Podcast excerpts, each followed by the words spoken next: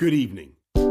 Dünya Podcast. Monsieur le Président de l'Assemblée mondiale de la santé. Liebe Mitbürgerinnen, liebe Mitbürger. Haftalık Dünya ve Avrupa gündemi.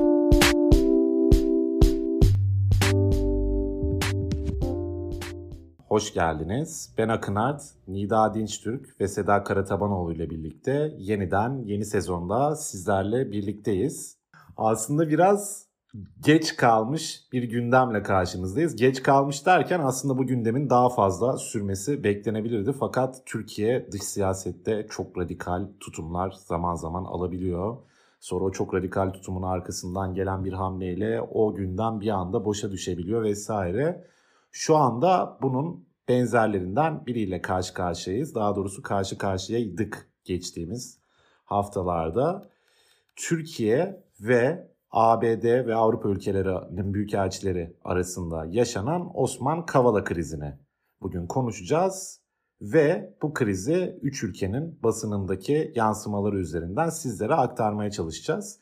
Başlarken bir de açıklama yapmak sanırım uygun olur. Yeni sezonu başlatıyoruz ve yeni sezonda aslında bir takım değişiklikler de yapacağız formatımıza dair. Bunların beğenilen tercihler olacağını umuyoruz ama görece kötü sayılabilecek belki bazıları için bir haberi vererek başlayalım.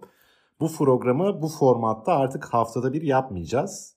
Ayda bir üçümüz Avrupa gündemini hep beraber değerlendireceğiz. Bunun dışında kendi ülkelerimizden fırsat bulabildiğimiz kadar başka formatlar, başka başlıklar altında kendi ülkelerimizin gündemlerini aktaracağımız ek programlar olacak. Onlarla ilgili de çok yakın zamanda zaten sizleri güncelleriz. Yeni programlarımızı görürsünüz. Bunu da belirtmiş olayım. Sonra bu krizin perde arkasını anlatması için neler yaşandığını bize bir miktar hatırlatması için sözü Seda'ya bırakayım. Merhaba, yeni sezona hoş geldiniz. Akın'ın da bahsettiği gibi e, büyük elçi krizi olarak andığımız, bahsettiğimiz e, diplomatik krizi kısaca özetleyip sözü tekrar Akın'a vermek istiyorum. E, şimdi 10 tane büyük elçilikten 10 ülkenin büyük elçiliği söz konusuydu. Bu ülkeler Amerika Birleşik Devletleri, Almanya, Danimarka, Finlandiya, Fransa, Hollanda, İsveç, Kanada, Norveç ve Yeni Zelanda büyükelçilikleri 18 Ekim'de yani Osman Kavala'nın gözaltına alındığı ve ardından tutuklandığı tarih olan 18 Ekim 2017'nin 4. yıl dönümünde Kavala'nın serbest bırakılmasına dair bir ortak çağrıda bulundu, bir bildiri yayınladı. Bu bildiride e, Türk hükümetine çağrı yapılıyordu ve e, saydığım 10 ülkenin büyük elçileri Türkiye'nin uluslararası yükümlülükleri ve milli kanunlarıyla uyumlu şekilde Osman Kavala davasının hızlı ve adil biçimde sonuçlandırılması gerektiği e, kanısında olduklarını belirttiler. Avrupa İnsan Hakları Mahkemesi'nin Kavala ile ilgili kararını anımsattılar ve Kavala'nın bu karar doğrultusunda derhal serbest bırakılmasının sağlanması için Türkiye hükümetine çağrıda bulunuyoruz dediler. Ee, yine bildiride, ortak bildiride dava sürecinin farklı dosyalarda birleştirilmesi ve beraat kararından sonra e, tekrar yeni davalarla Osman Kavala'nın tutukluluğunun e, devam ettirilmesine devam ettirilmesi hatırlatıldı. Türk yargı sisteminde demokrasiye saygı, hukuk devleti ve şeffaflık ilkelerinin gölgelendiği kaydedildi bu çağrıda. Bu çağrının hemen arkasından Hızlıca Türkiye Dışişleri Bakanlığı bir tepki verdi ve bu 10 ülkenin Ankara Büyükelçiliklerini bakanlar çağırarak uyardılar ve basına diplomatik teamüllere aykırı bir şekilde hareket edildiği açıklandı Dışişleri Bakanlığı tarafından. Hemen ardından Cumhurbaşkanı ve AKP Genel Başkanı Recep Tayyip Erdoğan konuyla ilgili bir açıklama yaptı ve Osman Kavala'yı kastederek e, bu Soros artını savunanlar bunu bunu nasıl bıraktırız gayreti içindeler dedi ve söyledim Dışişleri Bakanımıza bizim bunları ülkemizi darlamak gibi bir lüksümüz olamaz dedi ve 10 e, büyük elçinin istenmeyen kişi ilan edilmesine dair çalışmaların başlatılacağını söyledi. Ardından 25 Ekim'de Cumhurbaşkanlığı kabine toplantısı yapıldı. Aynı saatlerde toplantı devam ederken ABD Büyükelçiliğinin Twitter hesabından bir e, açıklama yapıldı ve ABD diplomatik ilişkiler hakkındaki Viyana Sözleşmesi'nin 41. maddesine riayet et, etmeyi teyit eder denildi. Aynı açıklamayı çok kısa sürede Hollanda ve Kanada'nın Ankara Büyükelçilikleri de paylaştı. Erdoğan ise kabine sonrası, e, kabine toplantısı sonrası yaptığı konuşmada büyükelçiliklerden yapılan e, açıklamayı anımsattı ve bu yanlıştan geri dönülmüştür dedi ve krizin yatışına dair bir mesaj verdi.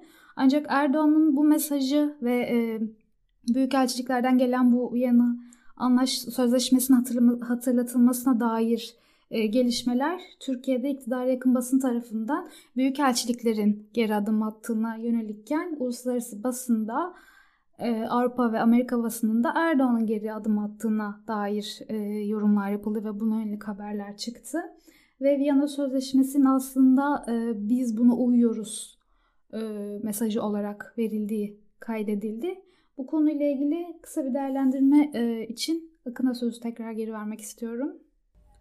Tabii ben buradan devam edeyim. Aslında üstüne çok fazla yazıldı çizildi.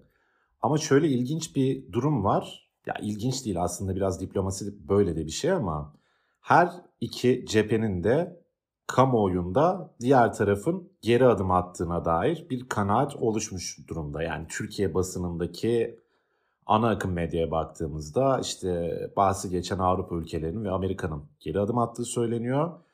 Avrupa basınına baktığımızda birazdan herkes kendi ülkesinden aktaracak da Almanya özelinde söyleyeyim ben en azından.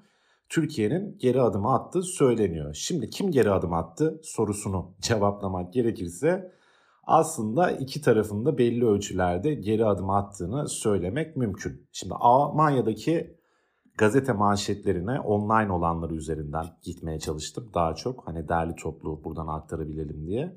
Baktığımızda neredeyse copy paste sayılabilecek e, bir ifadenin kullanıldığını, benzer başlıkların kullanıldığını görüyoruz. En çok bilinen birkaç gazeteden ve televizyon kuruluşundan örnek vererek başlayalım. Örneğin ZDF'in internet sitesinde Erdoğan geri adım attı başlığıyla bu haber ilk çıktığında yani Erdoğan'ın bu konuda işte bir uzlaşı sağlanmıştır'a gelen açıklaması yapıldığında Erdoğan geri adım attı ifadesini kullanmış. Ben bunu daha doğrusu böyle çeviriyorum. Buna yakın bir şey. Merak eden olursa Abrük'ün buradaki fiilin kendisi. Site yine e, sınır dışı etme kararından geri adım attı büyükelçileri demiş. Aynı fiili kullanmış. Spiegel yine aynı fiili kullanmış.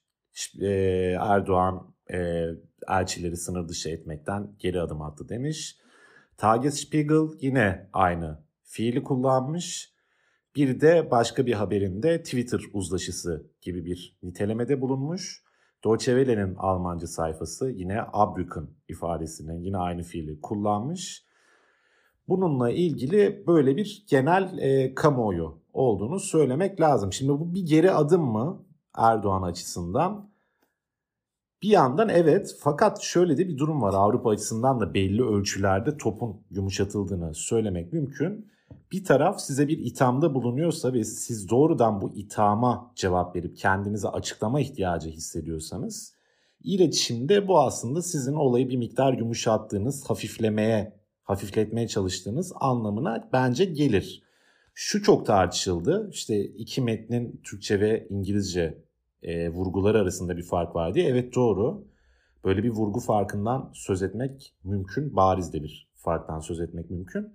Fakat bu vurgu farkı olmasaydı bile bu açıklamayı bu şekilde cevaplamak bence e, iki taraf açısından da bunun aslında çok da istenmeyen bir gerilim olduğunu da gösteriyor. Ben en azından böyle yorumlama eğilimindeyim bu durumu. Şimdi buna dayanarak bir geri adımdan yani Erdoğan açısından da söz etmek mümkün, Avrupa açısından da söz etmek mümkün. Yani zaten Almanya özelinde konuşacak olursak henüz kurulmamış bir hükümet, üstelik de mülteci krizi gibi başlıklardan ölümüne korkan bir hükümet Erdoğan'la yeni bir gerilimi daha kurulmadan karşılamak ister mi? Doğal olarak istemez. Bunu belirtmek lazım. Şimdi Alman basını nasıl yorumlamış? Son olarak bununla ilgili bir şey söyleyeyim. E, Nida'ya bırakmadan önce sözü. Başlıkların çok benzer olduğunu söylemiştim. Yorumlar ve analizler de çok benzer. Ben bir tane e, Taz gazetesinden Almanya'nın işte sosyalist sol bilinen bir gazetesinden bir analiz seçtim ama aşağı yukarı hepsi benzer şeyler söylüyor. Özetle şunu söylemiş yazıda Erdoğan bir şaşırtma hamlesi yaptı. Ekonomik kriz var Türkiye'de. Bu ekonomik krizden sıyrılmak, dikkatleri başka yöne çevirmek için böyle bir hamleye girişti. Fakat bu hamle ülkede giderek büyüyen ve kemikleşen ekonomik krizi ekonomik krizin üstünü örtmeye yetmeyecektir demiş. Çok özetle açıklamak gerekirse. Bunun gibi dediğim gibi 5-10 tane daha ayrı yazı bulup koymak mümkündü. Çünkü büyük oranda böyle analizler var.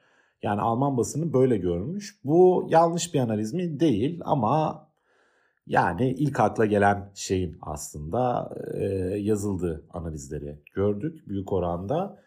Bunu belirtmiş olayım. Şunu da not olarak düşmüş olayım. Bir spekülasyon yaratmak niyetinde değilim konuyla ilgili. Fakat hem Erdoğan'ın hem de Erdoğan türevi popülist liderlerin böyle bir paterni vardır. Trump'ta da bunu çok görürdük. En sert açıklamaları yapmalarının hemen sonrasında mesela Trump'ın vaktinde Kuzey Kore ile vesaire yaşadığı gerilimleri hatırlayın. Yani vuracak adam herhalde derken bir anda barış anlaşması gelmişti birkaç hafta sonra. Erdoğan'ın keza benzer çıkışları var. Rahip Brunson krizinde vesaire olduğu gibi. Hani şey gibi olmasın işte sağlam bir yerden istihbaratım var bırakacaklarmış falan böyle bir şey söylemiyorum.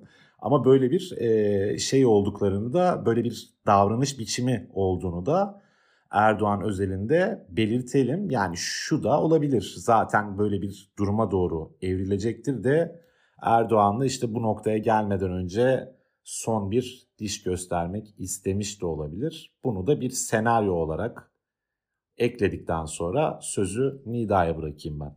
Gamsız adamızdan herkese merhaba diye girermişim konuya. Çünkü biraz öyle. Yani e, biz Brexit'ten sonra adada mahsur kaldık arkadaşlar. Kendi derdimize yanıyoruz. E, Türkiye'den de bu anlamda çok ses yükseliyor zaten. E, market rafları falan boş biliyorsunuz. E, petrol ofislerinin önünde sıralar. Tabii ben yani birazcık şey yapıyorum. İroni yaparak söylüyorum bunu ama e, şaka bir yana galiba bu e, büyükelçi krizinde neredeyse en sessiz kalan e, ülkelerden birisi İngiltere oldu diyebilirim. Çünkü yani İngiltere'nin gerçekten şu an kendi içinde halletmeye çalıştığı çok büyük sorunları var. E, bu Brexit sonrası yaşanan kriz Türkiye'den göründüğü kadar e, insani boyutta korkunç değil. Fakat İngiltere gibi bir ülke için e, gerçekten hesaplanmamış sonuçlarda baş etmeye çalışıyorlar. Hele ki pandemiden sonra bunu göstermeye çalışmak birazcık e, yorucu oluyor belli ki. E, ama elbette haber kaynaklarında bu konu görüldü.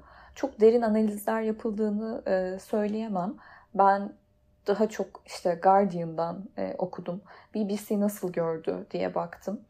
E, çünkü bir yandan da yakın zamanda aslında biz işte yani Türkiye'de Erdoğan çıkıp İngiltere'de market rafları boş, insanlar açlıktan kırılıyor gibi ifadeler kullanırken BBC Türkçe'de Erdoğan'ın söyledikleri çok da haksız değil gibi ifadeler kullanılırken mesela Büyükelçi kriziyle ilgili BBC News direkt e, büyükelçilerin tehdit edildiğini ifade eden başlıklar attı. Bir, bir yandan da böyle bir şey gözlemlemeye başladım. İkilik gözlemlemeye başladım. Şimdi ben de başka bir spekülasyona neden olmak istemem ama bu konuyla ilgili araştırma yaparken dikkatimi çekti bu. Ee, onun dışında Guardian'da aslında daha çok zaten İstanbul e, merkezli kaynaklardan aktarılmış haberler e, vardı ve haber aktarımı olarak geçti. Çok derin analizler yapılmadı derken aslında biraz bunu kastediyordum. Ancak tabii orada satır aralarını okumaya çalışıyorsunuz. Yani Osman Kavala'nın süren tutukluluğuyla ilgili ve e, Avrupa mahkemeleriyle süren e, çatışmaları zaten bizim kendi aramızda konuştuğumuz açıklıkla e, ifade ediyor İngiliz basını. Bunu e, herhangi bir biçimde yumuşatmaya ya da tarafgir bir taraftan da görmeye çalışmadıklarını söylemem lazım. Şaşırtıcı da değil. Ee, hemen peşinden Erdoğan'ın açıklamaları sonrasında ekonominin gene ne kadar e, refleks gösterdiğine dair notlar düşüldü. E, sonrasında yaşanan gelişmeler de tıpkı Akın'ın anlattığı gibi Almanya'da da böyle anılmış.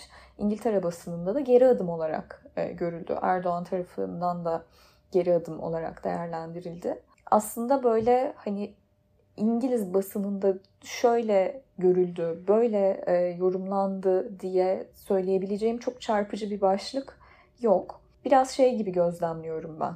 E, Türkiye ile sürdürdükleri aslında birazcık tansiyonu düşük ya da böyle hani normal seyreden bir ilişki var ya.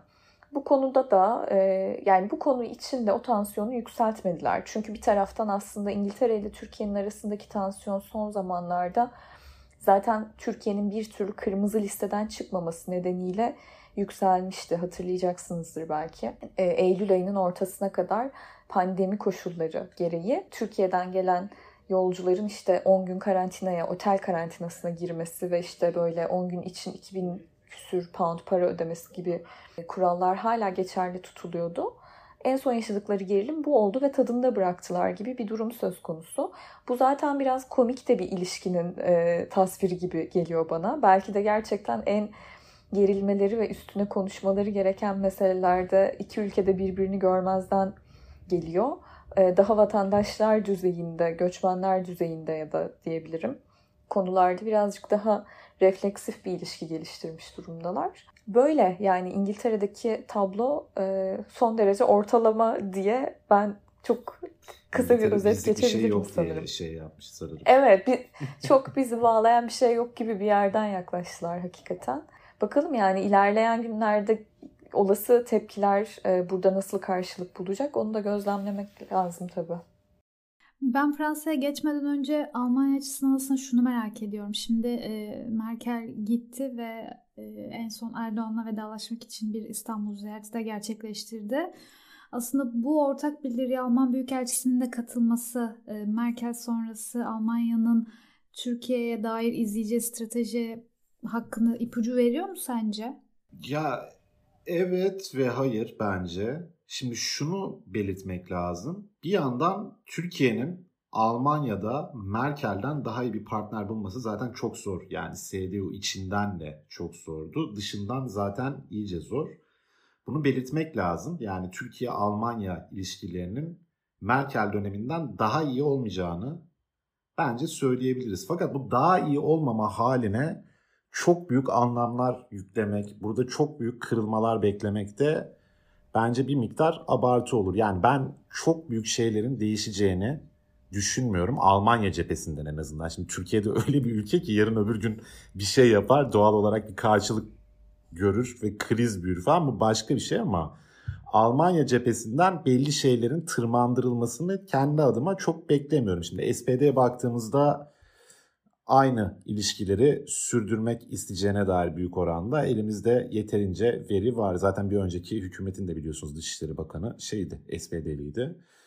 E, FTP'ye baktığımızda koalisyonun diğer müstakbel ortağı Liberal Parti onların da çok ekonomik pragmatist bir çizgiden bir sürü şeyi algılaması mümkün. Burada tek oyun bozucu olan Yeşiller Partisi'nin buradaki rolü olabilir. Hem Türkiye hem de genel olarak insan hakları konusunda Almanya'nın bir yerlere yaptırım uygulaması konusunda daha sert bir parti. Fakat Yeşillerin de tek başına etkisi ne kadar olur onu bilmiyoruz. Şu işleri bir miktar değiştirebilir. Koalisyon üzerinde yani koalisyonun siyasi program üzerinde bir anlaşma sağlandı gibi gözüküyor şimdilik. Fakat işinde koltuk boyutu var biliyorsunuz ki en büyük e, kriz de büyük ihtimalle oradan çıkacak. Birkaç tane kritik bakanlık var. En önemlisi Maliye Bakanlığı bence bu koalisyon üzerinde. Biri de yani her herhalde koalisyonda aşağı yukarı önemli olan Dışişleri Bakanlığı. Örneğin Dışişleri Bakanlığı'na Yeşillerden biri gelirse ki olabilir çok abuk bir ihtimalle değil bu. O zaman ne olur? Belli krizleri tetikleyebilecek bir şeyler olur mu falan böyle şeyler düşünülebilir. Fakat şunu bilmek lazım tabii ki. Eninde sonunda dış politika özellikle Avrupa ülkelerinde bir işte ne denir political establishment üzerinden gittiği için hani çok büyük değişiklikler beklemek veya işte Yeşiller Partisi Dışişleri Bakanı çıkarırsa zaten Dışişleri işte Yeşiller kafasına göre hareket eder falan. Tabii ki böyle bir şey de mümkün değil. Bunları not etmek lazım. Toparlayacak olursam Türkiye-Almanya ilişkileri eskisinden daha iyi olmayacak ama çok da daha kötüye gidecek falan bence biraz abartılı bir bekleyiş olur. Ben öyle görüyorum en azından. Aslında bu soruyu tam da senin sonunda bahsettiğin Yeşillerin koalisyondaki e, durumundan yola çıkarak sormuştum. Seçim öncesi e, Türkiye kökenli Cem Özdemir'in katıldığı programları izlemiştim. Ve Türkiye gibi otoriter rejimlere dair e, belli bir perspektifleri olduğunu ve buna göre hareket edeceklerini söylüyorlardı koalisyonda yer, al- yer alırlarsa. Hı hı. E, o zaman ben Fransa'ya geçeyim. Tamam. Sessiz sakin Fransa'mıza bu konuda. Çünkü başında yeterince iş var. o yüzden Fransa bu konuya çok hani e, resmi bir adım atılmadığı için açıkçası Fransa'dan da e, resmi düzeyde bir yanıt ya da açıklama gelmedi. Erdoğan e, Büyükelçileri istenmeyen kişi ilan etmek için bir talimat verdiğini e, söylediği konuşmasında aslında Fransa'ya bolca yer vermişti. E, Macron yönetiminin Fransa için e, en talihsiz yönetim olduğunu söyledi. Kendisinin Sarkozy ile de Chirac'la da e, tanıştığını söyledi ve Macron'un bunlarla mukayese edilemeyecek kadar kötü bir yönetim, kötü bir devlet adamlığı gösterdiğini söyledi. Ve genel olarak Avrupa'yı kastederek Avrupa'nın e, Türkiye'ye bakışının çok farklı olduğunu, Türkiye'nin e, her anlamda bilerek önünün açılmadığını, e, Türkiye'nin sıçramasını istemediklerini söyledi ve yine e, bir dış güç ilan etti Avrupa'yı ve Türkiye kendi imkanlarıyla ilerliyor ve büyüyor minvalinde bir açıklama yaptı. Aslında e, büyük elçilerin istenmeyen kişi ilan dair Türkiye'de e, herhangi bir resmi adım atılmamıştı. Yani Dışişleri Bakanlığı bir miktar topu yumuşattı ve sonrasında büyükelçilerin Twitter üzerinden e, yaptığı Viyana Sözleşmesi açıklamalarıyla bir resmi boyuta varmadığı için Fransa'da da Dışişleri Bakanlığı ya da hükümet e, kanadından herhangi bir açıklama gelmedi. Ancak konu basına çok geniş yer buldu. Bu gerilimin sebebi e, Osman Kavala'nın tutuklu olduğu için Osman Kavala'nın kim olduğu, tutukluluk süreci, ahim kararları, Erdoğan'ın çıkışı, büyükelçi çıkışı, büyükelçilerin istenmeyen kişi ilan edildiğinde e, karşılaşılacak olası sonuçlar basında sık sık yer aldı. Kavala'nın insan hakları aktivisti olduğu ve Türkiye'nin insan hakları sembolüne karşı e, bu tutumu, bu negatif tutumu sergilediğinden bahsedildi.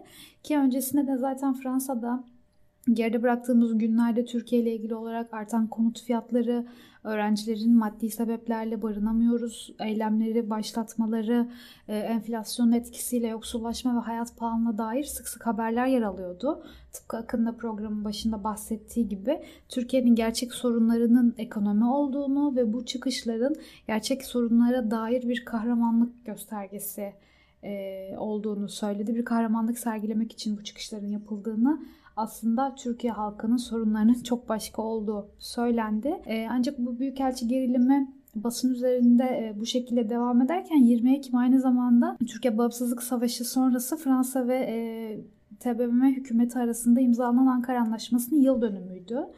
Benim her iki tarafı da yani Türkiye'nin Fransa Büyükelçiliği ve Fransa'nın Türkiye Büyükelçiliği'nin açıklamalarını takip ettiğimde bu büyükelçi krizinden bağımsız olarak her iki tarafta e, anlaşmayı e, pozitif bir şekilde anarak dostluk ve işbirliği mesajları verdi. Programın başında bu büyükelçi krizini özet e, özetlerken ABD, Hollanda ve Kanada e, büyükelçiliklerinin yanına sözleşmesine atıf yaptığından bahsetmiştim. Ancak Hollanda Başbakanı Mark Rutte konuyla ilgili e, yapılan açıklamanın bir geri adım olmadığını söyledi. Pazar günü Roma'da G20 liderler zirvesi vardı. Burada e, Cumhurbaşkanı Erdoğan'la görüştüler ve bu görüşme sonrası basına yaptığı açıklamada Hollanda'nın Avrupa İnsan Hakları Mahkemesi kararlarına e, dikkat çekme hakkının her zaman saklı olduğunu Erdoğan'a aktardığını söyledi ve bunun iç işlerine müdahale olmadığını e, savundu. Bunun evrensel değerleri teyit, e, teyidi olduğunu e, aktardı, yineledi. Ayrıca bunu yapmaya devam edeceğiz. Tekrar aynı şeyler, e, tekrar aynı ihlaller gerçekleşirse gelecekte de bu uyarıları yapabileceğimizi Erdoğan'a ilettim. E, bu da ikili ilişkilerin bir parçası dedi. Aslında Türkiye'de iktidara yakın e, basının söylediği gibi e, büyükelçiliklerin Viyana Sözleşmesi dair hatırlatmaları aslında bir geri adım değil. Bunu da Hollanda'da e, duyabileceğimiz en yetkili ağızdan duymuş olduk diyebilirim. Kapatmadan önce eklemek istedikleriniz var mıdır? Ya şunu söylemek gerekebilir belki. Meseleye biraz oradan da bakmak lazım. Çünkü şimdi Türkiye iç işlerine karışıldığı, iç işleyişine karışıldığı gibi bir iddia ortaya atıyor ama şimdi bu iç işlerine karışılma iddiası bir yasal dayanağa dayanıyor. O da şu, Türkiye taraf olduğu ve kendisi açısından bağlayıcı olan bir sözleşmeye uymadığı gerekçesiyle aslında suçlanıyor. Yani aslında ortada bu konularda iç işlerine bu kurum tarafından karışılmasına dair Türkiye'nin gösterdiği bir rıza var. Yani devletin gösterdiği bir rıza var. Dolayısıyla bu iç işlerimize karışılıyor vesaire falan hikayesinin de bir miktar altının yasal olarak boş olduğunu bilmek gerekiyor. Ama tabii burada mesele bu değil. Yani bildiğiniz gibi bir e, söylem savaşı var. İşte bir ne denir dünyaya kafa tutan lider imajı oluşturulmaya çalışıyor vesaire. Hani bunun üzerinden ilerleyen bir şey olduğu için belki bunu belirtmek bile saçma zaten. Hani bunun üzerinden ilerlemiyor siyaset çok uzun süredir ama bunu da not etmiş olayım ben. Yani meselenin tartışma zemininin de aslında tamamen boş olduğunu. O zaman e, önümüzdeki ay bir yeni programda görüşmek üzere diyelim. Mümkün olduğunca ortak konuşabileceğimiz bir konu seçeceğiz e, aylık programımızda. Onun dışında ülkelerimizle ilgili herhangi bir gelişme olduğunda yeni formatlarla karşınızda olacağız. E, görüşmek üzere. Hoşçakalın. Hoşçakalın.